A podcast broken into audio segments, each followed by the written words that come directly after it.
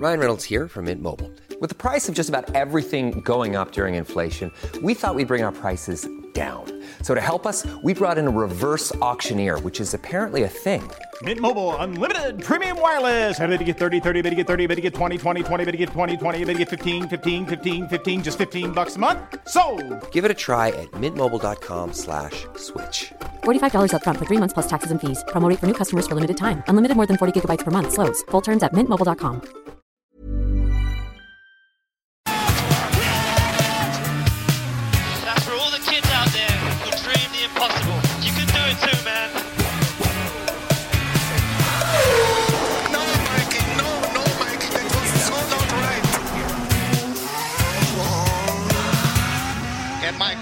and steering wheel.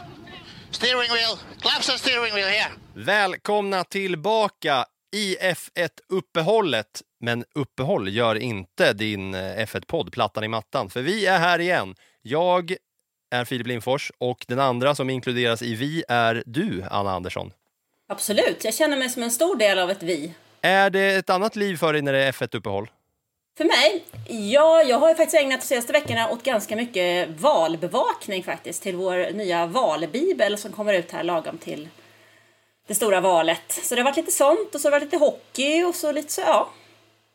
Annat. Allt i allt i allo, helt och, helt och hållet i alltså.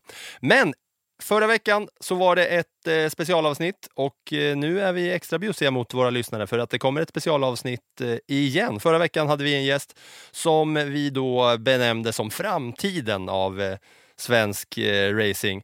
Och Idag har vi med oss en av de största i svensk eh, racinghistoria. Med 79 starter i Formel 1, 12 podium, 88 poäng, 11 år i F- F1 och har kört för både Ferrari och McLaren. Vinnare 1997 av legendariska racet Le Mans och en av de största i svensk racing genom tiderna.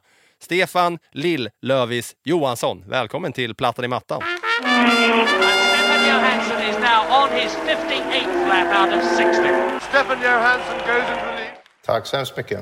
Tack. Du, eh, jag ser att du sitter i någon slags ateljé och det känns konstigt att inte börja med platsen du befinner dig på för att eh, det är ju inte som att du sitter i liksom i ett vanligt kontor med lite, med lite böcker och några gamla sladdar bakom dig utan jag ser ju då stora konstbitar eh, här, både på väggar och på, på golv. Vart är du någonstans? Ja, jag befinner mig här i min studio i Santa Monica i Kalifornien. Det är här jag spenderar mesta delen av mitt liv just nu i eh, och målar och pysslar lite. Eh, och förutom de tävlingar jag åker på givetvis. Eh, jag sköter ju fortfarande mitt management och lite olika jobb så inom racing självklart. Vi kanske, ska, vi kanske ska börja där, för vi kommer komma in på din historia som F1-förare och racingförare i allmänhet. Sådär. Men just nu är du alltså fortfarande liksom i racinghetluften ändå som agent till bland annat Felix Rosenqvist och Roman Grosjean med flera, va? Ja, inte Roman Grosjean, men Scott Dixon däremot. Felix och Scott är väl de två. Sen hjälper jag lite yngre killar också som förhoppningsvis kommer att blomma ut snart här och, och lite, komma upp i lite större klasser också. Spännande, då vill vi ju naturligtvis direkt höra hur är läget för Felix här och, och McLaren nästa år? Formel E eller Indycar? Du, du börjar med de lätta frågorna, ser jag. Nej, men det Ja, ser... men du spelar ju upp bollen liksom. Det ser rätt bra ut, tror jag. Eh, alltså, eh, vi kan säga att det ser bra ut för Indycar. Eh, vilket team det sen blir det vet vi inte än, va? men det ser positivt ut. Det är väldigt stort intresse runt Felix faktiskt. På, från, eh, från flera olika team. Vad det sen blir McLaren eller inte, det vet vi inte än tack vare den här lite mässiga situationen som har uppstått här tyvärr. Men, eh, men någonting blir det, det är jag nästan övertygad om. Då syftar du på Alex Palou, Ganassi och McLaren. Mm, när du säger rör, röriga. Mm. Exakt. Och då ska vi alltså vi ska få reda på nu här i podden hur du från födelse till dagens datum har tagit dig till den positionen eh, där du sitter idag genom att gå igenom lite av din racingkarriär och lite hur du ser på Formel 1 och eh, så vidare. Vi har en tanke att vi vill liksom börja med att göra några slags, eh, ja, vi har döpt dem till snabbfrågor, men det kommer väl inte liksom, det går inte i 370 kilometer i timmen. Men, eh, men vi ska ta oss via dem till olika epoker i, i eh, Lill-Lövis liv. Lill-Lövis förresten, innan vi börjar där. Stor-Lövis, är det farsan eller? Jajamän. Han var Lövis bara. Han var Lövis. Han växte upp på ett ställe som heter Lövåsen utanför Växjö. Och det var egentligen bara ett, ett hus som hette Lövåsen. Eh, och sen blev han Lövis då när han, han körde lite grann och hans kompisar började väl kalla honom Lövis då på den tiden. Och som det är i Sverige så blev jag Lill-Lövis. Eh, det var inte mer komplicerat än så. Om vi börjar så här då. Fullständigt namn? Stefan Nils Edvin Johansson. Det låter ju vansinnigt småländskt faktiskt. Ja, men det, det kan nog bero på att jag, Du är smålänning, jag eller var hur? född där och växte upp där. Ja, precis. Ja, men det låter nästan som en sån eh, Vilhelm Moberg-namn. Ja, Ett precis. Fantastiskt. Ja. Ja. Och nästa är då alltså således födelseort, uppväxtort och boendeort. Uppväxtort, födelseort var Växjö. Ja, nu är det ju San, Santa Monica, Los Angeles. I den goda, goda värmen i LA. Ålder nu och när, när du körde F1? Ålder nu 65 och när jag körde F1, ja det var från 20, jag var när jag började 24 tror jag, 25, 24 till 35. Men du säger att du är 65. Du är född 56. 6, 56 ja. Och eh, den som kan sin sport vet ju att eh, det, är ju alltså, det gör ju dig till en av de legendariska 56orna.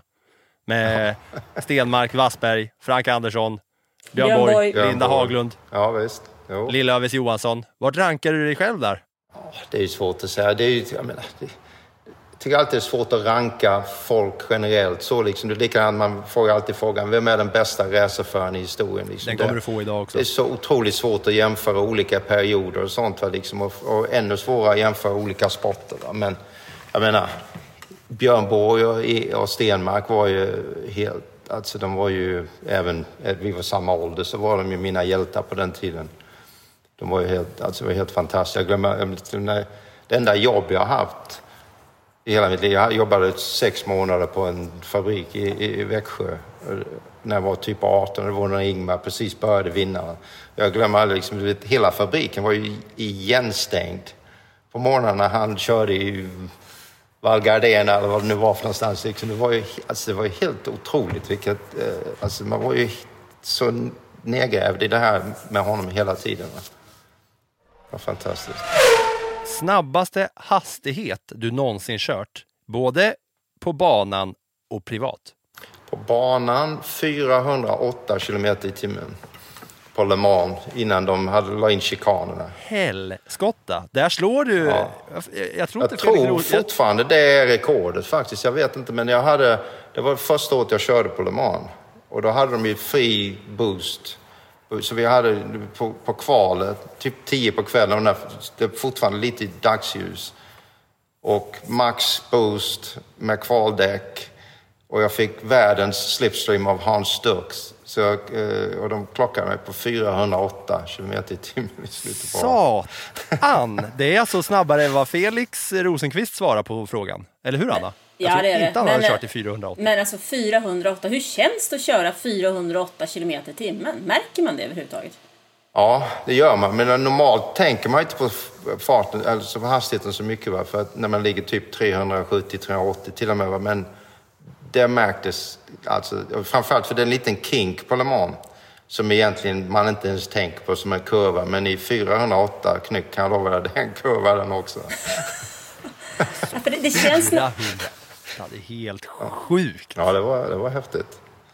Det var, det var ju så svårt att bedöma vad bromsningen är också. Liksom. Man liksom, har ju liksom sina, sina marker points, 200-skylten, 150, 100. Va? Men där liksom fick man ju bara, du vet, wing it mer eller mindre liksom, för man skulle bara dras rakt av i slutet på inbromsningen. Sen. När du sen sakta in då, tänkte du, du har en hastighetsmätare. Har, ser du hur fort du kör? Alltså, Nej, nej, det ser man inte. Vi ser ju bara varvtalet. Men det, jag menar, man vet ju ungefär hur fort det går när man bara tittar på varvräknaren. För jag menar, det är liksom, på, framförallt på den tiden, för då hade man inte någon data egentligen på bilen, utan det var liksom bara en, eh, alltså en manuell, så här med nål så här va. Och, eh, oj, förlåt. Och då, eh, men man ser ju, har man typ 300 varv, 400 varv mer än vad man hade varvet innan, då vet man att det går riktigt fort. Va? Den slog i taket helt enkelt. Eh, Vi, vi är inne på Le Mans. Vi stannar bara lite, lite där. För de flesta av våra lyssnare, eller många av våra lyssnare i alla fall, är ju F1-fantaster som eh, liksom jag börjar liksom lära sig det ena och det andra om resten av racingvärlden. Le Mans är ett uthållighetsrace som är typ ett av världens äldsta race genom alla tider, va? Som, Ja, du, som absolut. du har vunnit, som du vann 97 och du, som du har kört många gånger. Och där handlar det alltså om att man kör på en bana, men det handlar inte om att ta sig i mål ett antal varv, utan det handlar om att köra flest varv under 24 timmar. och vad, kör du, vad, kör, vad kör, körde du för bil då, så att säga? En Porsche. Det året jag vann körde jag en Porsche. Och då Som- snackar som vi inte, faktiskt- det ser inte ut som en Formel 1-bil liksom, utan Nej, den har ju, alltså hjulen är ju täckta på sportbilarna. Det är väl det som är liksom den mest största visuella skillnaden mellan en Formel 1-bil eller en Formelbil generellt och en, eh, en sportvagn. Eller en prototyp eller vad man kallar det. Så delade du den här bilen då med Tom Christensen va? Tom och Michela Arboreto. Ja, gamla F1-kollegan där va? Mm. Vi, vi möttes, alltså vi, hade, vi var ju som bröder han och jag också till slut. Va? För vi, liksom, vi, vi stred hårt mot varandra i Formel 3 i början av vår karriär, sen i Formel 2. Sen blev vi stallkompisar i Formel 1. Sen liksom gick vi vår egen väg. Sen blev vi stallkompisar igen i Formel 1 i Arrows. Och sen körde vi Daytona ihop eh, med för Ferrari på 24-timmarsloppet där. Och sen eh, vann vi Le Mans. Vi, körde vi ihop där så vi vann Le Mans. Sen körde vi stallkompisar igen på Audi. Så vi, vi liksom, vår karriär följde varandra hela tiden. Så tyvärr gick. Michele bort också i en testolycka. Så. Hur hanterar man det där egentligen? Tänker jag. När man, när, hur hanterar man det egentligen när man eh, jobbar så mycket ihop och sen förlorar så pass många nära vänner som det ändå blir? Ja, det, det är en bra fråga. Alltså det är, jag vet inte, vad, det är en väldigt konstig psykologi. där. alltså jag, men liksom man, jag menar, alla är ju säkert annorlunda också. Jag kan ju bara svara för mig själv givetvis. Men alltså man, man gräver ner det där, alla känslorna i en djupt hål någonstans i magen.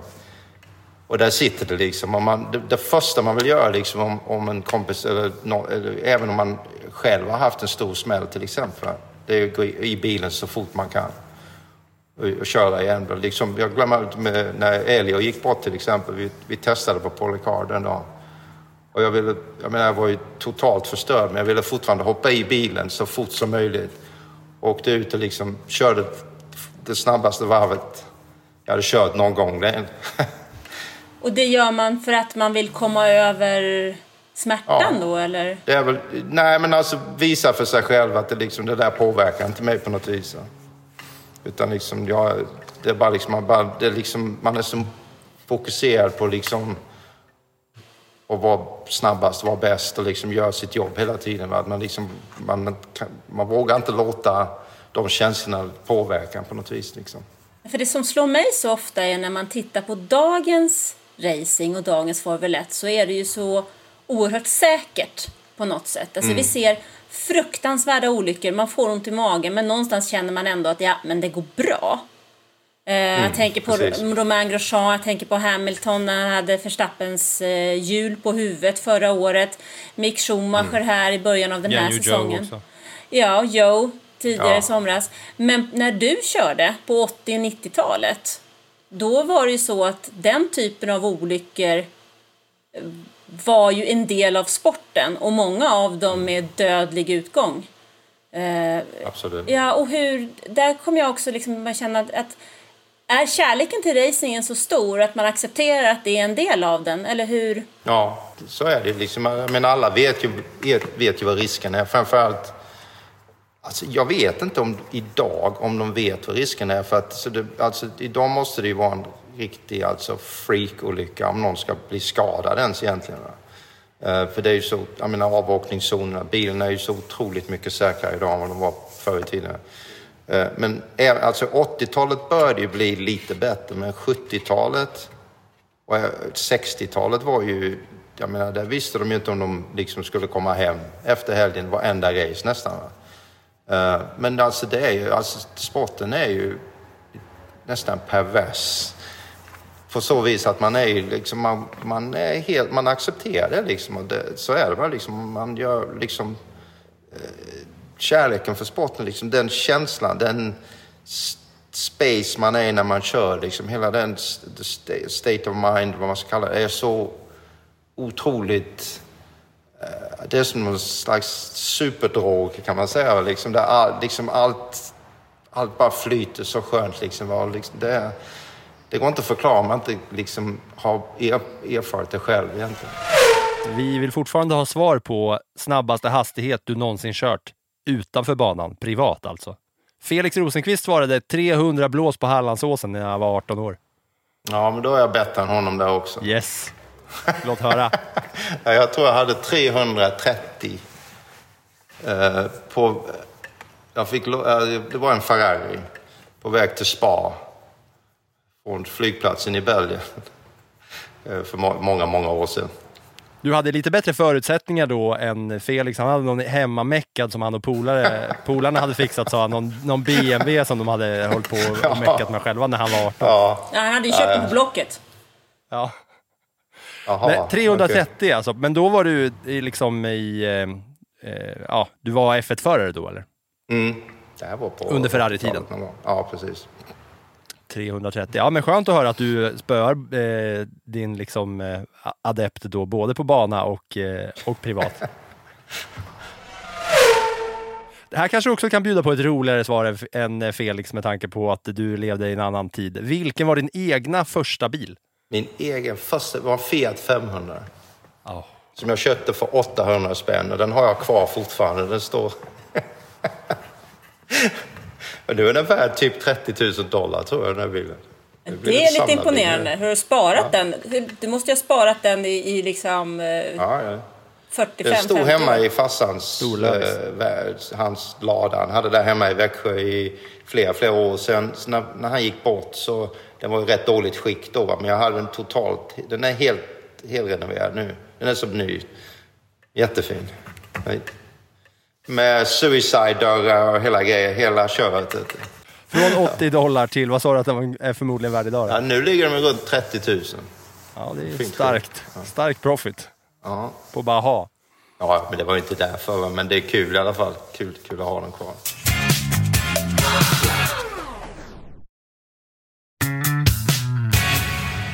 Tre stycken Formel 1-förare Ryan Reynolds here from Mint Mobile. With the price of just about everything going up during inflation, we thought we'd bring our prices down. So to help us, we brought in a reverse auctioneer, which is apparently a thing. Mint Mobile unlimited premium wireless. Ready to get 30, 30, bit to get 30, bit to get 20, 20, 20, bit to get 20, 20, bit to get 15, 15, 15, 15 just 15 bucks a month. So, Give it a try at mintmobile.com slash switch. $45 upfront for three months plus taxes and fees. Promo for new customers for limited time. Unlimited more than 40 gigabytes per month. Slows. Full terms at mintmobile.com. levande eller döda, som du skulle vilja ta med dig på en rejäl krogrunda? Oj, krogrunda. Ja, det ska vara en rejäl krogrunda. Det, det ska inte bara vara två, två tre drinkar. Ja, James, men James hade ju en del krogrunder med så han är ju, det, det, han blir ju Vem då? lagledare. James James, Hunt. Hunt. James Hunt. Vem var det då, för, för våra nya lyssnare som inte eh, har hängt med på eh, 80-talet? Han körde, han var samtida med dig och körde. Nej, han, körde, han var innan mig. Han vann ju VM mot Niki Lauda på den tiden. 76. När de kämpade mot varandra då. Men James var ju helt galen, vet du, men en skön kille. Alain Prost är jävligt kul. Det var jävligt mycket roligt ihop också. Så, eh, och sen... eh, De, de nya, Vad dricker Prost? Vad dricker Prost då? Rörsut eller pastis? Vad drar han i sig? Nej, det, det är väl lite av varje. Det är inte... Eh, ja, vem ska man med? Ja, Elio kanske, om han hade hängt på också. Vi hade mycket, mycket, mycket kul ihop. Han. Nu ska du få en fråga som eh, du inte kommer gilla. Vem är the GOAT of F1, the greatest of all time? Jag tror Lewis är the GOAT. Han, jag, ty, jag är väldigt imponerad av honom. Inte bara för att han, jag menar, han är otroligt eh, duktig givetvis, alltså talangfull. Jag menar, det är ingen som har kommit, första året så sopade han banan med Alonso och nästan vann VM första året han körde. Och liksom alltid varit på topp hela tiden. Men vad jag älskar med honom det är att han har gjort det aldrig gjort något dirty tricks, liksom aldrig kört liksom, han är ju hård men alltid fair. Och det är det jag uppskattar med honom, liksom, han har fått tillbaka det här liksom med liksom real hard racing och inte massa jävla dirty racing som tyvärr kom in i bilden lite grann på den, med, genom först Senna och sen Schumacher liksom höjde det till en helt ny nivå. Va? Så att det är det jag uppskattar mer än något med honom och det är därför jag håller honom hög, kanske högst av allihop. Kan man kalla förra årets, i, alltså i jämförelse med F1-historien, för en sån som mig som inte liksom var med på 80-talet, kan man kalla det lite dirty racing, det som man såg förra året mellan Max och Lewis? Eller är det helt andra mått mätt? Li- Absolut. Nej, men absolut. Det, var ju, det gick ju lite för over the top där, liksom, tycker jag många gånger. Va? Definitivt. Och det, det, jag tycker det är lite synd, men jag tror Max... Redan i år visar han ju en helt annan mogenhet än vad han hade förra året. Nu tror jag han har liksom kommit över den här tröskeln. Liksom, va? Och jag känner på mig att Max, Max kommer nog att bli the GOAT så småningom. För hans talang. Jag tänker, är det skillnaden på hur Max beter sig mot Lewis Hamilton och han, hur han har betett sig mot Charles Leclerc i år? De, det har ju varit en annan typ av racing från Max sida. Beror det på att han har en titel? Eller beror det på att Hamilton var den mästare han är? Eller beror det på att han och Charles Leclerc har raceat mot varandra så oerhört många år? Vad är liksom anledningen? Jag, jag tror det är en kombination av allt det faktiskt. Jag tror det är, det var ju lika, när Senna kom in då va, så var han ju liksom obsessed med att slå Prost som var kungen på den tiden. Va. Det var liksom den enda målsättningen han hade, liksom, att vara bet- bättre än Prost. Och inte bara vara bättre, men alltså och, liksom bara sopa banan med honom om man kunde. Va? För att liksom verkligen visa vem som var bäst. Va? Och jag tror lite grann det var samma situation med Max och Lewis förra året. För Lewis var ju självklart kungen och vunnit, eh, jag vet inte hur många titlar då innan va? men eh, och sen tror jag han också var påeggad av sitt team jävligt mycket. Va? Både Helmut Mark och, och Christian Horner. Va? Sen var det ju en otrolig fight mellan Mercedes och Red Bull generellt. Alltså inte bara genom förarna utan även teamen. Va? Och liksom massa skitsnack fram och tillbaka i, i press och sånt här. Va? Och eh, sen tror jag också när man har fått vunnit den här första titeln, va? då blir det liksom då vet han att han kan göra det. Va? Nu, nu har han ju en helt annan mogenhet och sen tror jag också att han och Charles har ju en helt annan dynamik. Alltså de har ju kört mot varandra sedan de var typ fem år gamla i gokart och liksom umgåtts. Så de har säkert ett, ett helt annat förhållande, självklart, än, än, äh, än vad Lewis och Max de har väl egentligen inget förhållande så vitt jag vet, va? men jag, jag är liksom inte tillräckligt insatt för att veta vad deras personliga situation är givetvis. Va? Men jag förmodar det. Men nu, men nu råkar vi prata här om, om lite om det nuvarande F1 och då blir jag ju lite nyfiken på att höra dina åsikter om den här säsongen. Jag har ju suttit här och varit frustrerad, förbannad och irriterad och inte förstått hur Ferrari har hanterat eh, den här sommaren eller faktiskt våren eh, där man har haft ett sånt läge som i mina ögon är att Mercedes är inte på banan. Man har en otroligt fin möjlighet att utmana Red Bull och man har helt enkelt kastat bort det, tycker jag. Vad tycker du? Ja, jag håller med. Självklart. De har ju, alltså, det är ju katastrof när de äntligen har en bil som är... Alltså de har ju den bästa bilen i år, det är inget snack om det. Alltså, överlag på alla banor är ju bilen snabb. Och eh, Leclerc har ju gjort ett otroligt jobb och, och även Sainz, men framförallt Leclerc. Eh, men sen har de ju... Alltså, Jag tror Leclerc åkte väl av lite grann genom att vara frustrerad helt enkelt. Va? Men jag förstår också hur enkelt den banan, framförallt den kurvan, är väldigt tricky. Är man på gränsen, jag tror det kan bara varit en nedväxling som gjorde att bakhjulen låste lite, lite grann. Det är allt man behöver för att man ska spinna den, i den svängen där. Vi pratar om Frankrikes GP där. Om man var på gränsen och, och, och nedväxlingen inte gick exakt smooth, och det kan ju vara någonting i mjukvaran ibland som gör det. Va? Eh, så är det, då spinner du direkt. Alltså, så är det bara där. Så att, eh, jag, jag har förståelse för vad, för vad som hände där.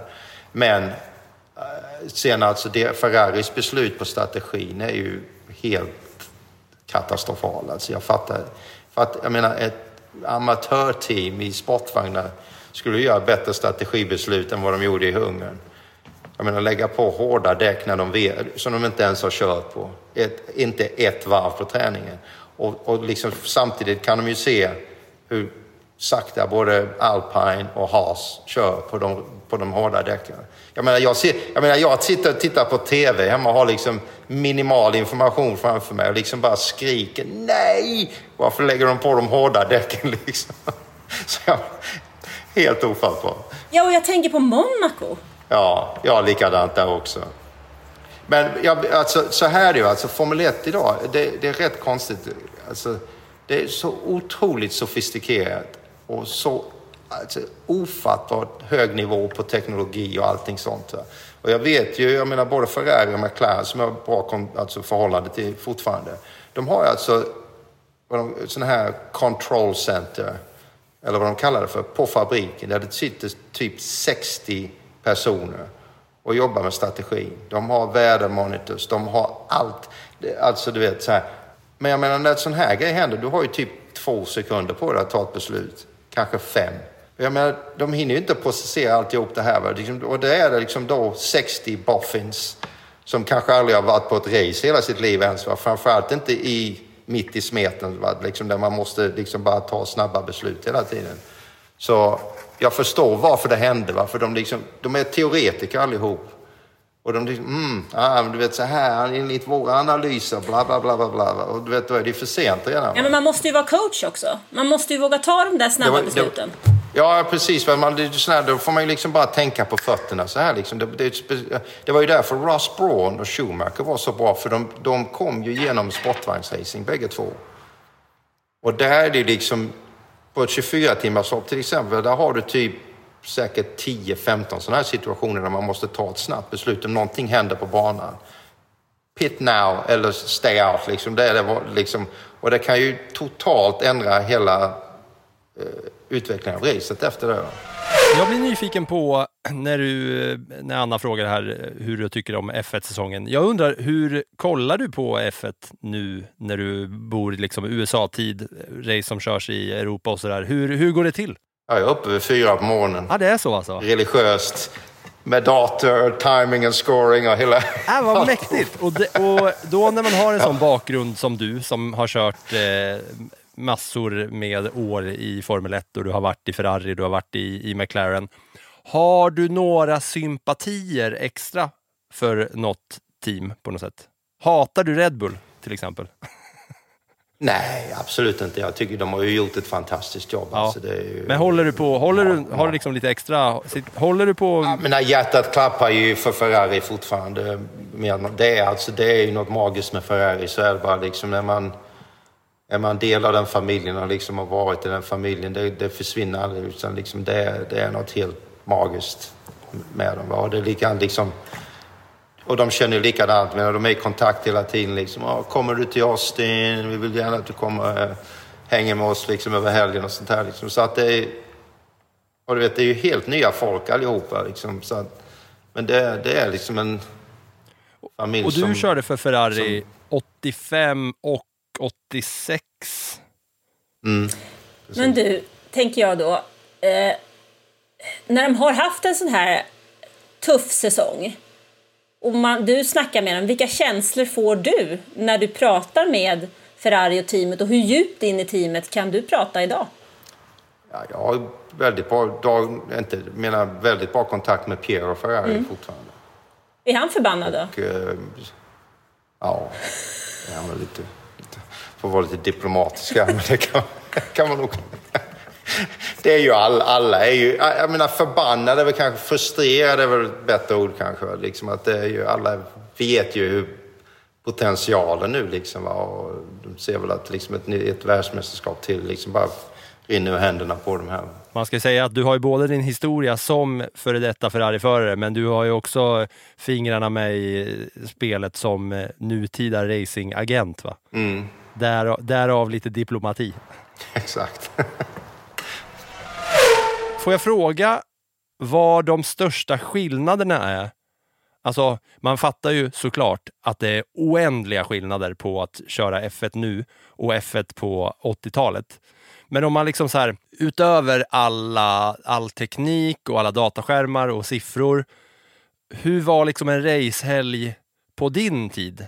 Alltså, rökte folk cigg i depån typ?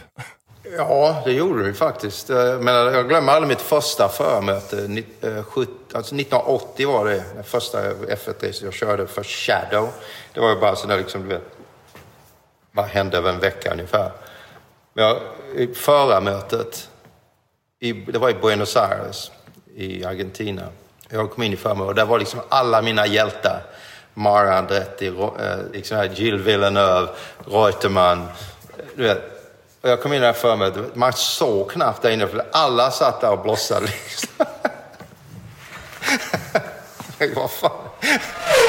Hur var liksom en, en, en racehelg? Så att ni kunde inte sitta i simulatorer varje minut av er vakna tid, liksom, som de gör idag till exempel. Simulatorer fanns ju inte ens. Det fanns ju ingenting. Vi hade ju ingen data ens. Fanns ingenting. Det, liksom, det, var, det, det enda datan som fanns, det var det föraren sa till sin ingenjör. Så det var ju otroligt viktigt att man liksom rapporterar allt. Man fick ju rapportera allting som hände med bilarna. Det, och, eh, och det gjorde ju, jag menar, det var ju där Allan Prost var så otroligt... Han var ju, han kallades ju professorn och det var ju, fanns ju anledning för det, för han var ju helt sjukt duktig på att liksom he, hela, relatera allting som hände med bilarna. Och, ehm, men som sagt, så att det var ju liksom, det fanns, vi, datorer fanns ju inte ens. Vi hade liksom ingen, eh, ingenting mer än vad som... Det var du körde då, testkörde, du var träningar. eh, Du kom in och så sa du, så är det någon som skriver ner med papper och penna typ. Mm, precis. Och det, var ju, det kan ju ha varit allt från att det är en liten vibration liksom och det och det och det och det och sen är det lite där. Var hela tiden. Alltså man var ju, till slut var man ju som en, man var ju som en dator. Man fick liksom relatera allt det här liksom. Och många gånger liksom på vägen hem från banan till hotellet till exempel. Fan, glömde jag liksom. Jag vända, köra. för vi hade ju inte mobiltelefoner heller så det var att vända och köra tillbaka igen liksom. Jag glömde någonting här liksom. Och då berättar du en sak så är det någon som skriver ner, Ja. skriver ner det och så ska man höra Ja, till- vidare, liksom. tillbaka till ingenjören då liksom. Som, Kör, liksom hade, körde ni liksom, var det i, i, alltså nu är det ju, nu har ju alla sina fabriker och sen inför en racehelg så är det träning, träning, träning, kval, race. Mm. Hur var det på din tid? Ja, alltså på det, skillnaden på den tiden jämfört, eller en av skillnaderna kan man säga på den tiden jämfört med nu, det var ju att vi hade ju obegränsad testning. Så vi testade ju hela tiden. Jag menar, jag var ju på Fiorano nere i Italien och med Ferrari liksom typ fyra dagar i veckan om vi inte körde helgen efter. Och bara liksom runt, runt, runt hela tiden och provade allt mellan himmel och jord. Och ofta var det ju så att liksom eh, Enzo Ferrari då liksom, han, han satt ju där, du vet, han älskade ju att höra ljudet av bilarna. Va? Liksom, du vet, på sommaren då, det är ju dagsljus till typ 10 på kvällen i Italien också. Va? Och alla meckar liksom, ingenjörer, och så, fan ska han inte gå hem snart liksom, vi kan liksom wrap it up här och, gå och käka någonting. Liksom. liksom bara höll på hela natten. Och det får man göra du. Men jag tänker det som, som förare då, när man eh, blir så duktig på att känna efter. Blev ni bättre förare för att ni kände bilen på ett annat sätt än vad dagens förare är som kanske lever mer på en, en dator? Jag, jag, anledningen till att jag ställer frågan det är ju att man har hört till exempelvis då Yuki Tsunoda ropa över radion och bara tala om att bilen är skräp. Liksom. Men han talar ju inte om vad det är som är fel. Nej, det är rätt. Kom, jag var på, när jag var på Monza för några år sedan då, um, så hade jag hörlurarna på mig från teamet under kvalet. Och då kommer för, liksom, de kör första, första rundan då, så när han på väg in i depån, då kommer ingenjören över och säger hey, we, You have a small understeer through the Lesmo. Men du måste ju fan veta om att han har en understyrning. Självklart. Men liksom att ingenjören talar om föraren vad som händer med bilen snarare än tvärtom. Då är det så lite så att det är så lite så att det knappt känns men att det syns. Ja, för jag menar på den tiden var det liksom, då hade man liksom tre skeden i kurvan hela tiden. Liksom, det, bilen är lite nervös första turnen liksom, rullar lite för mycket bak eller vad det nu är någonting Va. Sen går det understyrd i mitt på kurvan och sen när man ger gas så är den lite, liksom då är bakvagnen lite för lös. Vad det nu är liksom. Det är hela tiden, varenda kurva är i olika stadier också. Så man bryter ner den ofta i tre skeden då. Och sen gör man en, tav, alltså en ritning av banan och så skriver man ner alla noterna så här då. Liksom lite gupp där, bilen liksom bottnar lite i guppet. Och det, det är tusentals grejer liksom varenda gång. Men det är alltid olika grejer. Va? Varenda, varenda gång man har kört så är det någonting nytt eller någonting som är annorlunda. Och sen är det olika med olika däck, olika inställningar och sen alla de olika inställningar man gör så får man då rapportera vad som var bättre, vad som var sämre eh, och så vidare. Sen hittar man någon slags, till racet sen då så, grejen är ju att hitta den bästa kombinationen av allt det här. För man har ju aldrig en perfekt bil, den finns inte. Utan det blir liksom den som får alla de här pusselbitarna på, rätt plats till racet, det är han som vinner racet. Så, man blir jävligt nyfiken på att leka med tanken att man tar dagens startuppställning och sätter dem i era gamla bilar, 80-talsbilarna, hur det skulle mm. gått. Tror du det hade liksom sett likadant ut i, vad ska man säga, mästerskapspoäng om vi tog dagens uppställning i era bilar? Ja, det, alltså först måste jag säga att jag tror dagens förare generellt är otroligt duktiga. Nästan allihopa som kör Formel 1 idag. Otroligt hög nivå faktiskt. Eh, av, dels för att de har kört så otroligt länge. De började i gokart mycket, mycket yngre nu. Så de har mycket mer racecraft när de kom. Det är därför de kan börja i Formel 1 så unga nu jämfört liksom, på min tid då var man typ 25, 24, 25, 26 år gammal när man kom in i F1. Men nu är, det, liksom, nu är man ju för gammal när man är 21 år gammal nästan. Liksom. Då vill de ju inte ens snacka med en. Så att det är helt annan dynamik nu. Men, men har sagt, liksom, om du tittar på den här nya generationen nu, Max, självklart Leclerc, Russell, Lando Norris, eh, Albon är också duktig. Liksom, det är otroligt duktiga förare allihop.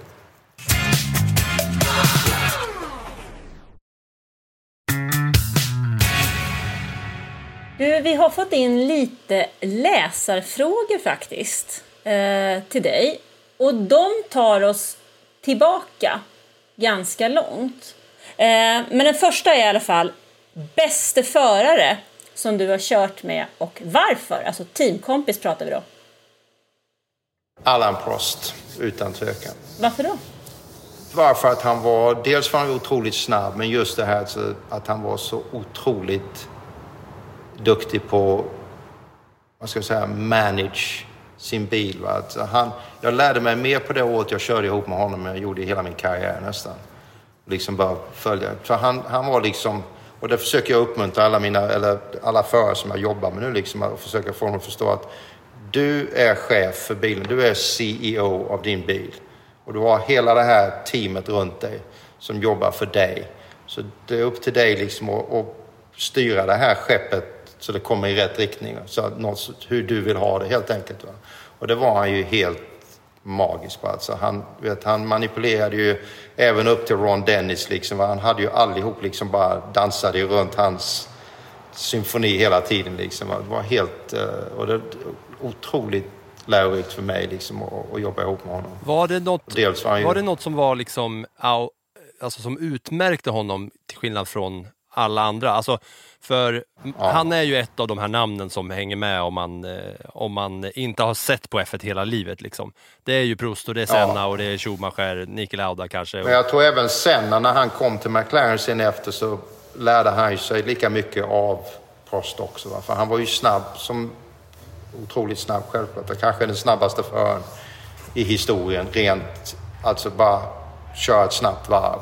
Men han, han han hade inte kapaciteten som Alain hade att se den stora bilden hela tiden.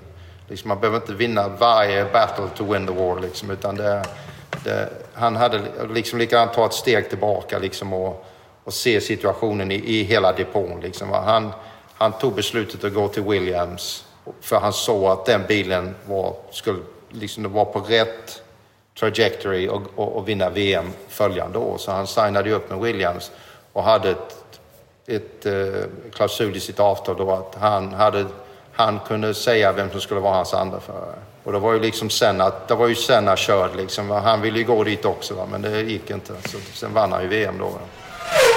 Fan, jag vill bara dra din F1-karriär. Nu har vi suttit och snackat skitlänge, men jag vill ändå för lyssnarna bara liksom säga vilka team du har kört för. 1980 gjorde du din första säsong för ett team som heter Shadow Ford. Mm. Och där körde du i, hur länge då?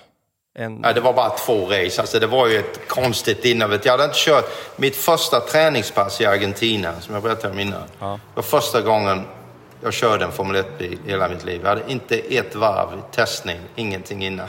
Så liksom bara in the deep end liksom där med alla mina... Jag spenderar mer tid att titta i spegeln liksom och försöka hålla mig ur vägen framför allihop, alla mina hjältar och liksom ung efterförare liksom. Men det var, det var sådär liksom bara kom till av ren tillfällighet. Jaha, det var alltså så pass löst. Ja, jag blev inbjuden till deras fabrik, alltså typ i kan ha varit, januari någon gång. Eh, av han som var stallchef där då, eller team manager och eh, ja, sen, jag tror inte de fick till det då. Alltså någon, de letade väl efter någon förare som ville betala då, den styrningen. Men det kom inte till, så i alla fall så fick jag typ fem dagar innan racet. "Åh, Kan du komma och köra i Argentina först? Liksom. Då, är man liksom drömt hela sitt liv om att köra Formel 1 så kunde man inte tacka nej till det. Liksom. Så det var bara att hoppa på planet och åka. Och sen var det ett team som heter Spirit Honda, 83. Mm. Var, det mer, var det mer struktur där eller? Ja, oh ja, alltså det var ju det, alltså det var ju Hondas, vi var ju Hondas team då kan man säga, Spirit. Jag körde ju för Spirit i Formel 2 året innan.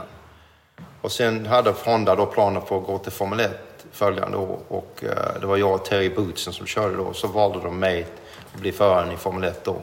Så att eh, det var ju, jag menar, det var ju early days för dem givetvis. Alltså det var ju, det var ju, det var inga jätteresultat. Det var så, motorn var väldigt, eh, hade mycket eh, real, vad heter det, tillförlitlighetsproblem och sånt. Så att, eh, men det var ju en, en, riktig, alltså en riktig opportunity att komma in i Formel 1 på riktigt. Men, men det var dag och natt mot Shadow. Ja, ja, oh ja. Shadow, de gick, de försvann ju. Alltså de, de var ju bara vid liv typ tre race till, va? sen försvann de helt och hållet efter det. Va? Så det var ju liksom, det var redan slut för det teamet kan man säga. Sen var det 84, Tyrell Ford och Tolman Hart. Och i Tolman Hart så kom de första poängen.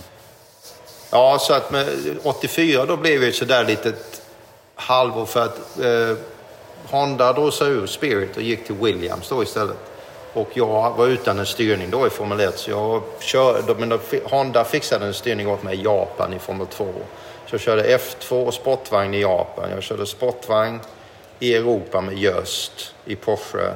Sen fick jag ett inhopp med Tyrrell när Martin Brundle blev skadad. Så jag körde fyra eller fem race för dem. Och sen eh, var det en annan förare som blev skadad, eh, Johnny Cecotto, som körde för Thomas. Så då hoppade jag in där och sen avslutade jag säsongen med honom som Ayrtons stallkompis då. Att ha varit teamkompis till, till Ayrton Senna, som vi an, många anser var den absolut snabbaste föraren som har kört. Han är ju legend i Brasilien och han är ja, fortfarande enormt stor över hela världen. Eh, och han dog ju 1994 i maj. Men hur upplevde du Senna? Och köra med honom? Så han var ju väldigt, i första året i sin karriär var det mitt också. Va? Så att det var ju, han hade ju inte utvecklats som han blev till slut. Va? Men det var ju intressant då, för i, i Portugal till exempel så var det första racet vi körde ihop. Så var jag snabbare än honom på kvalet första dagen. Och det var, enligt, det var ju var liksom omöjligt för honom att acceptera att någon, någon var snabbare än honom. Så dagen efter sen så, jag kommer inte ihåg hur kvalet blev, men i alla fall typ tre år senare så en av meckarna som jag hade då, hade då kom fram till mig, då hade han bytt team liksom och allting hade gått vidare. Så, ja, vi var under strikta order att inte ta, säga till någonting till dig, men sen snodde din motor över natten mellan fredagen och lördagen. Vadå snodde motorn? Gick han och plockade Ja, motorn? alltså de bytte motorerna. och vi- han kunde inte acceptera att det var någon som var snabbare än honom. Så han måste liksom, det måste vara något fel någonstans. här. Så de tog min motor och stoppade i hans bil och, och tvärtom. Det låter ju som en människa som går över lik för att nå framgång. Ja, men, det var så, men så är det ju i F1 också. Liksom. Det är ju cutthroat hela vägen. Ja, alltså sen, det- var massa olika omständigheter. Men jag, alltså det, det racet gjorde ju faktiskt min karriär också. För jag låg och krigade med Niki Lauda hela racet om, om fjärde plats. Och eh, han var tvungen att komma förbi mig för att vinna VM-titeln. Och Enzo Ferrari satt hemma i Italien och tittade på TV. Va? Och liksom, så, här, va? så jag fick ju ett samtal veckan efter sen. Och då, från Ferrari. Där de ville att jag skulle komma ner och hälsa på i, i Maranello. Så det var egentligen så det började, hela diskussionen med Ferrari. Jaha. Och så körde du där då 85 och 86. Så följande år blev jag ju där sen, ja precis. Ja, ja, men du tog dina första poäng eh, det året. Sen 85 så började du i Tarell, va? Nej, Innan du ja, det var ju så bara ett inhopp där. Va? Ja. Med Tyrrell. Jag hade ju ingenting klart. Jag, alltså jag skulle kört, jag hade ett tvåårskontrakt som jag hade skrivit med Tolman för 85-86. Men sen var det någon politik där med däcksgrejer. Alltså, lång, alltså, lång historia kort så hade de inga däck. Så de kunde inte köra första racet i Rio då, i Rio de Janeiro. Och då var, men jag var där i alla fall, då bara för liksom att kolla. Va? Och eh, då hade Ken Tyrrell hade något argument med Stefan Belloff. Så typ, alltså det här var, jag var vid banan då typ åtta på morgonen på fredagen. Självklart hade jag min järnväska med mig som man alltid hade på den tiden, liksom just in case. Och då kom Ken upp vid typ nio och första passet började tio. Då frågade jag liksom, kan du köra? Ja, för fan, jag har väskan, den ligger i bilen liksom. Så hoppa in bara liksom.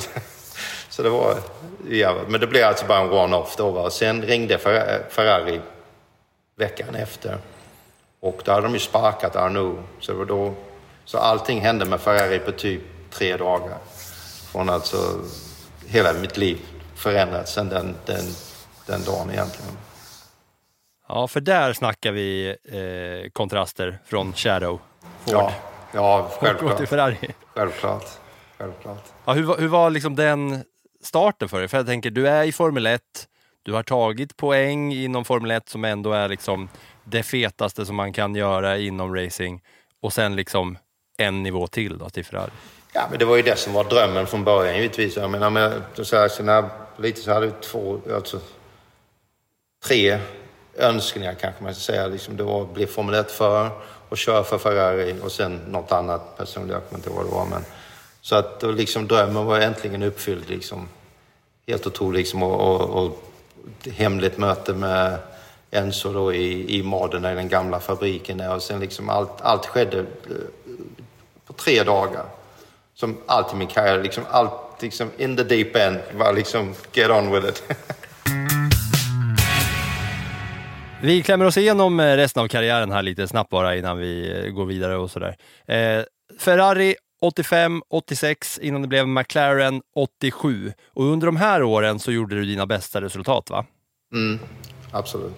Blev det, var det liksom skillnad på livet att vara F1-förare och att vara F1-förare i, liksom i toppen? För du var väl ändå liksom femma, sexa, sjua Ja. typ?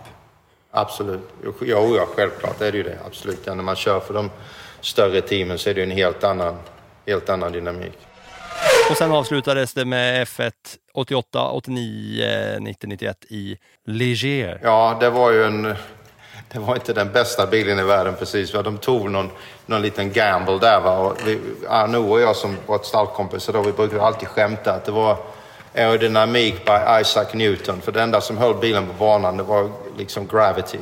Ja, det måste varit skillnad då från, eh, från McLaren. Och sen var det Onyx Ja. Ford, Onyx Ford, AGS Ford Ja. och sen eh, Arrow där 91 innan du klev vidare. Precis. Vad var, det som Ja, sen gjorde, var jag liksom trött. Ja, förlåt. vad var det som gjorde att det gick från McLaren till Ligier? Ja, det var ju att McLaren signade upp Senna för, det, för nästa år sen. Så då var det liksom... Det fanns inget ledigt. Ja, det fanns inte så mycket options kvar då, va, så jag tänkte det är bättre att stanna i Formel 1 i alla fall än att liksom vara the sidelines för ett år. Va. Då är det ännu svårare att komma in sen. Så det var därför jag, jag tog den liksom styrningen till, som en slags bridge där på något vis för att se vad som skulle hända efteråt. Det borde väl varit betalt kvitterat då? Du skulle ha snott Sennas motor. Ja, exakt. Ja, jag skulle gjort det, men eh, man, det kanske var mitt stora problem i Formel 1 framför allt, att det var lite för snäll på den tiden. Jag lärde inte mig tillräckligt fort, liksom att man måste vara riktig asshole egentligen för att liksom få det. Man måste liksom slåss för sitt territory i, även inom teamen. Så att, eh, det var kanske lite där jag förlorade många gånger. Ångrar du det? Ja, visst gör jag det nu. Självklart gör jag det. Du, vi har en, en läsarfråga har jag till. Faktiskt. Och det är eh, SLH som eh, undrar vilken relation du hade och har med Nigel Mansell. Mustaschmannen. Mustaschmannen. Ja, jag har alltid haft bra relation till Nigel. Vi körde ju, vi slåss ju mycket i Formel 3 innan vi kom till Formel 1. Det året jag vann efter mästerskapet, då körde ju Nigel också. Han tror han kom fyra i det året i, efter, i Engels, Eh, Englands mästerskap där. Men, eh, men vi har alltid haft bra relation. Jag har alltid känt lite sådär, han har ju en en himla häftig mustasch och sen har jag liksom tyckt lite synd om honom efter den här eh, eh himla eh, fighten han hade med Piqué som gick rätt över alla tidningssidor och de anklagade, det var väl Piqué som anklagade hans fru för att vara ful och sådana saker. Så jag har alltid känt lite synd om, tyckt lite synd om honom. Det var, det, det var psykologisk krigföring på högsta nivå kan jag lova. Nelson och jag var jävligt bra kompisar. Och ah, han stressade ju Nigel så det var helt sjukt. Vet du. Allt han kunde hitta på vet du, och för liksom få honom ur balans. Var det mycket sånt bakom, var det mycket sånt bakom kulisserna spel? Alltså inte på banan, Ja, ja, självklart. eh, Det- fulspel liksom? Absolut. Det är, så är det ju nästan överallt i alla teamen. Va? Men, eh, men jag tror Nelson tog det till en helt, helt ny nivå. Liksom. Vad gjorde ni för grejer då? Där i liksom, eh, ja, Det, det, i depån och bakom kulisserna? det är preskriberat. Jag jag ska ge ut min bok en gång, men jag kan inte ge ut boken förrän dagen efter jag dör. För då ska jag, liksom, då ska jag säga allt. Ja, men om det preskriberat spelar det ingen roll. Nej, nej men jag, vet- för jag vet alla mina gamla stallkompisar som då kommer liksom med du vet, gevär ungefär. Din jävel, du lovar att inte säga någonting liksom. Men det var rätt kul, alltså, framförallt för McLaren var det kul för där var det liksom superseriöst hela tiden liksom. Med, med allting med jobbet att göra. Men sen liksom, okej, wrap it up liksom. Okej, nu är vi klara, nu går vi och käkar middag och har kul. Och då var det liksom helt annan alltså inställning på allting. Va? Så det var liksom, jobb är jobb. När vi slappade var det liksom en helt annan grej. Va? Var det mycket festande på den där tiden? Jag tänker ju i och med att man liksom rökte sig när man förlöste barn. Nej. Jag det- tänker att man kanske kan för- komma bakfull och köra jag, bil. jag drack inte en droppe alkohol på typ 15 år, 20 år nästan. Så det var liksom festande och sånt, det, det var det väldigt lite egentligen. Så det var inte sällsynt alltså? Eller du var, stod inte ut? Nej, men, jag, men alla tar ju sitt jobb seriöst, absolut. Du vet, det, det, liksom, det, det var ju det enda man tänkte på. Var ju liksom, man ville ju bli världsmästare. Och liksom, ju, hela sitt, livet var ju dedikerat på det. Liksom, träning, fysisk träning och allting sånt. Och liksom, testning och liksom, hela tiden kontakt med ingenjören. Man är, alltså, ingenjören och föraren är ju som ett äktenskap. Man, man spenderar mer tid med sin ingenjör än man gör med sin fru under den perioden när man kör nästan. Och man lär ju känna varandra. Så att, jag menar, det, den kemin mellan föraren och ingenjören är otroligt viktig. Så det är liksom att man, man är nästan tvingad mer eller mindre på bägge håll och, och liksom spendera så mycket tid ihop så man liksom, för, ingenjören fattar, när man säger någonting så fattar han direkt liksom vad det gäller till slut. Va? I början är det alltid lite tufft så här att få den här kemin att funka. Eh, om man har en ny ingenjör, ny typ och sånt. va. Och eh, tavlorna bakom dig då? För den som inte har eh, surfat in än och kollat på din konst. Du, jobb, du jobbar liksom i, eh, du är racinglegendar och racingagent, men även konstnär. Ja, det låter lite konstigt men så är det just nu. Ja, så är det just nu. Det har varit så länge fast jag har inte gjort så mycket väsen av det på på många, många år. Jag målade ju hela min, nästan hela min Formel 1-karriär också. Det har liksom varit min hobby hela mitt liv kan man säga. Jag började ju, jag var alltid varit intresserad av konst även när jag var liten. Min morfar var konstnär så jag brukade stå jämte honom och titta på honom när han målade när jag var typ 5-6 år gammal. Och sen eh, när jag började tjäna lite pengar på racing så började jag samla lite konst här och där. Och sen utvecklade det sig. Så, eh, det var egentligen ganska konstigt hur jag började måla själv. Det var eh, Elio De Angelis som var en av mina förkollegor under den tiden. Vi var väldigt, väldigt bra kompisar. Eh, nästan som bröder. Alltså vi umgicks hela tiden och hade mycket, mycket gemensamt. Eh, och när han, gick, när han eh, körde ihjäl sig, då, då var, jag var där och försökte hjälpa honom ur bilen och allting sånt. Det var väldigt eh, traumatisk upplevelse för mig. Så av någon anledning, jag vet inte egentligen varför, så gick jag och köpte en duk och lite färg och lite penslar så ville göra någonting i hans minne. Och sen, det var något som liksom klickade då helt plötsligt. Och sen, har jag, eh, sen, sen dess har jag målat i princip hela mitt liv. Jaha, det blev Ja. som, som någon slags eh, bearbetning då? Ja, det var väl lite terapi av något slag. Alltså, det har det ju, men det är det ju fortfarande nu. Liksom. Det, det liksom... Det, det, jag är glad att jag har hittat konsten efter jag slutade köra själv. Liksom, för det är svårt, jag tror att när man liksom har varit så inblandad i sport på så hög nivå så länge så är det ett stort vakuum när man slutar helt plötsligt. Jag tror många idrottsmän har problem med det och det ser man ju ofta liksom att eh, de går lite vilse här och där. Va? Men eh, konsten har tagit över för mig liksom, så nu gräver jag mig precis lika djupt in i, i min konst som jag gjorde i racingen hela mitt liv. Liksom, för det är liksom all consuming. Liksom, hel, med, med racing, man lever, äter, sover racing hela tiden liksom, när man är aktiv i det. Men om man tittar på dina konstverk, om det nu är de som lyssnar på podden inte har sett dem så kan de gå in på din hemsida och titta på en hel del av dina verk. Det är ju väldigt mycket racing i de verken. Jag tänker på eh, de här eh, tavlorna med de här härliga färgerna som jag just nu inte kommer ihåg vad de heter. Eh, vad är det som gjort att du har valt att lägga racerbanor som dina motiv i mångt och mycket? Jag vill ju, jag vill, alla var på mig liksom att jag skulle måla bilar, men jag tycker det känns lite för kliché för mig att måla bilar hela tiden. Liksom. Jag har hållit på hela mitt liv och kört bilar. Liksom. Och, för det finns så många tusentals konstnärer som målar bilar, racing och allting sånt. Så det känns lite fel. Så det är därför jag har gjort... Jag började egentligen med de här porträtten. Det här mycket mer figurativa, som du ser bakom mig här. Är det ett porträtt av Marlon ska vi säga för den som, eh, den som lyssnar på den här eh, podden då, ser ju inte, men det kan ni ju göra genom att gå in och kolla på Mm. hemsidan. Men det är alltså, det är alltså porträttbilder på eh, personer med då text ovanpå, Mm. eller hur? Exakt, alltså det är egentligen texten som ger tavlan mening. Då det är att vi försöka få en reaktion från, från tittaren då, liksom sig de blev eh, skratta, blir arga eller blir tanksamma liksom på något vis. Liksom det är citat då från de här olika eh, subjekten som jag har målat. Då. Och sen, eh, och sen, de, men de, sen de här abstrakta då som är alla döpta efter olika kurvor eller partier på olika racerbanor. Det är liksom inspirerade av just de banorna av olika anledningar.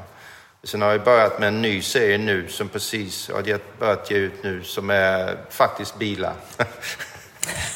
Du, du hamnade där Jag gav upp till slut, alla tjatade på mig. Jag, men jag gjorde, alltså de är lite annorlunda. Det, det är inte bara bilar, liksom en bil, utan det är mer som en... ja, inspirerat av Surat, Pizarro, sån här pointillist-stilen.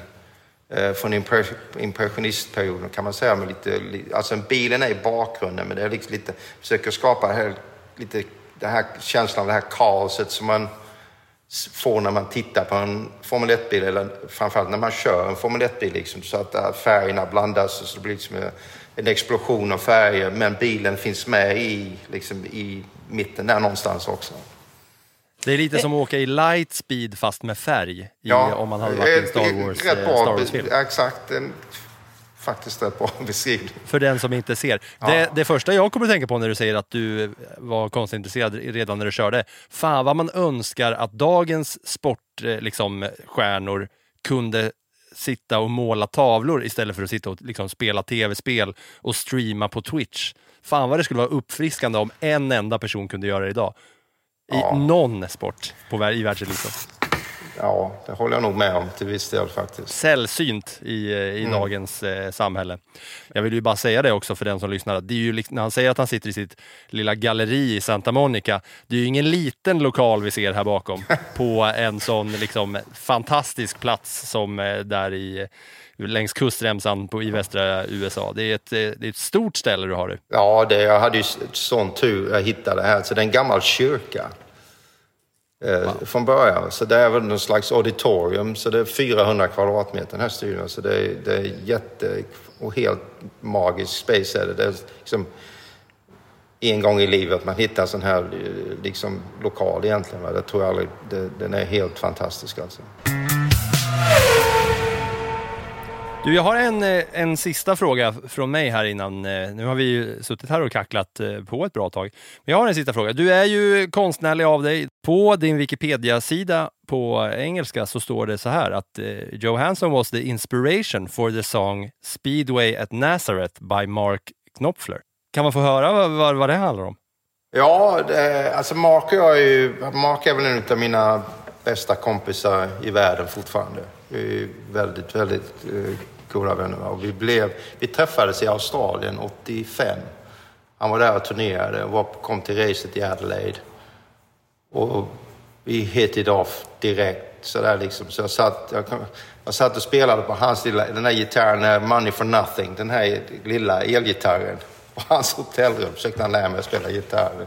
Det insåg jag rätt fort att det, det, det var ingen karriär man skulle spendera så mycket tid på. Men, men i alla fall, och sen har vi varit väldigt bra kompisar hela tiden. Och under den tiden då så, när vi liksom fortfarande inte liksom, han var på turné, turné någonstans, jag var och körde ett race någonstans. Så vi brukade ligga och snacka skit på telefonen i timmar ibland. Liksom, han är, jag vet inte, någonstans.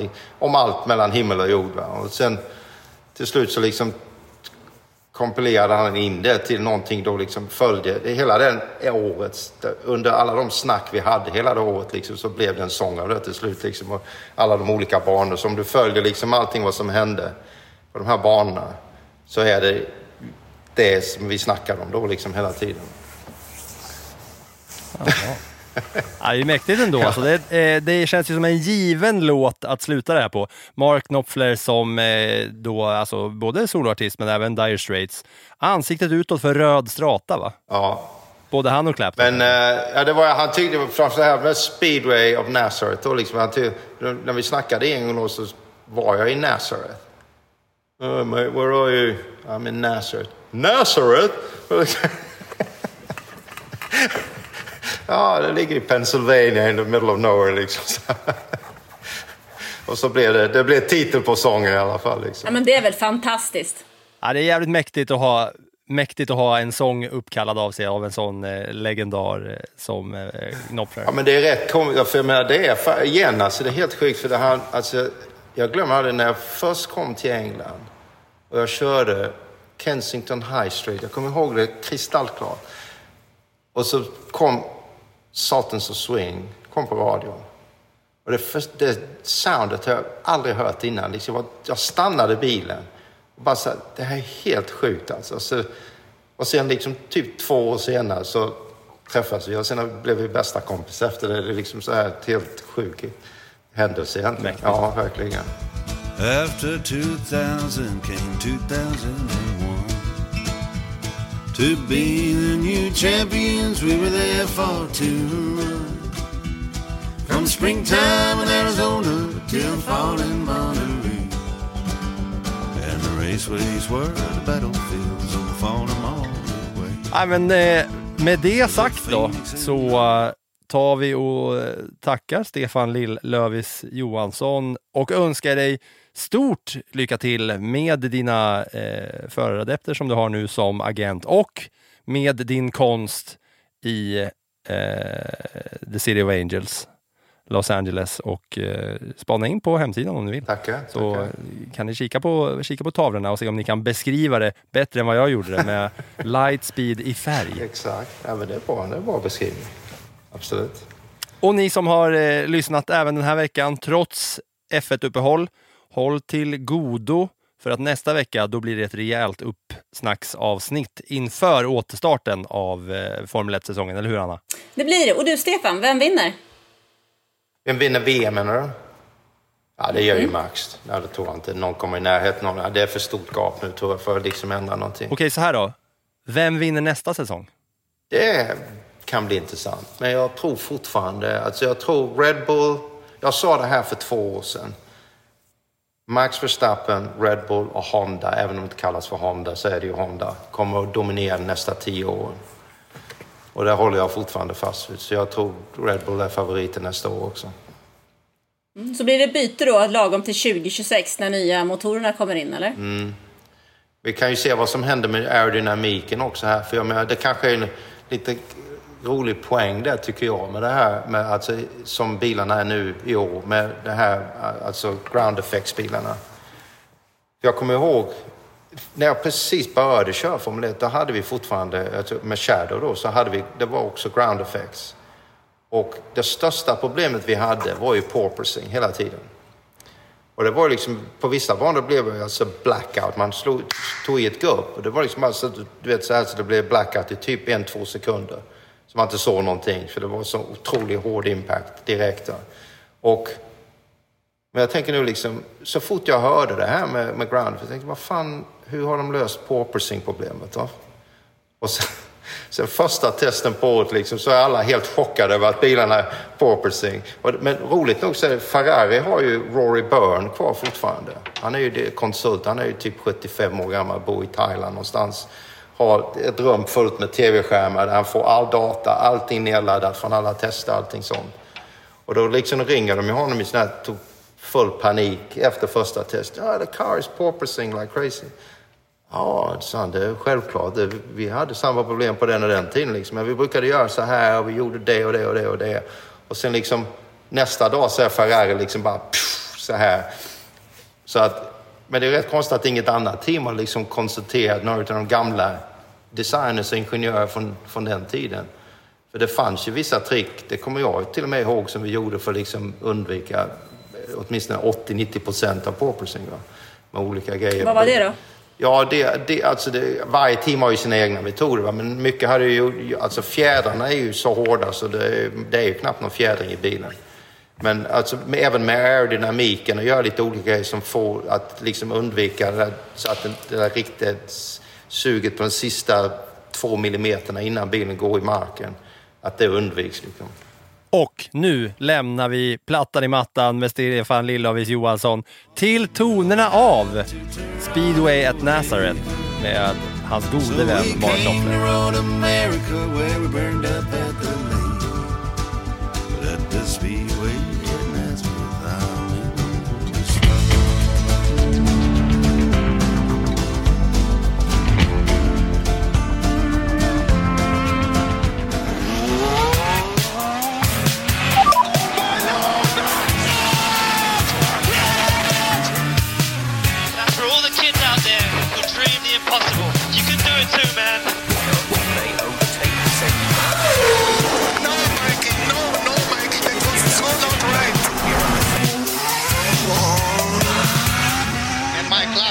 there, Rick.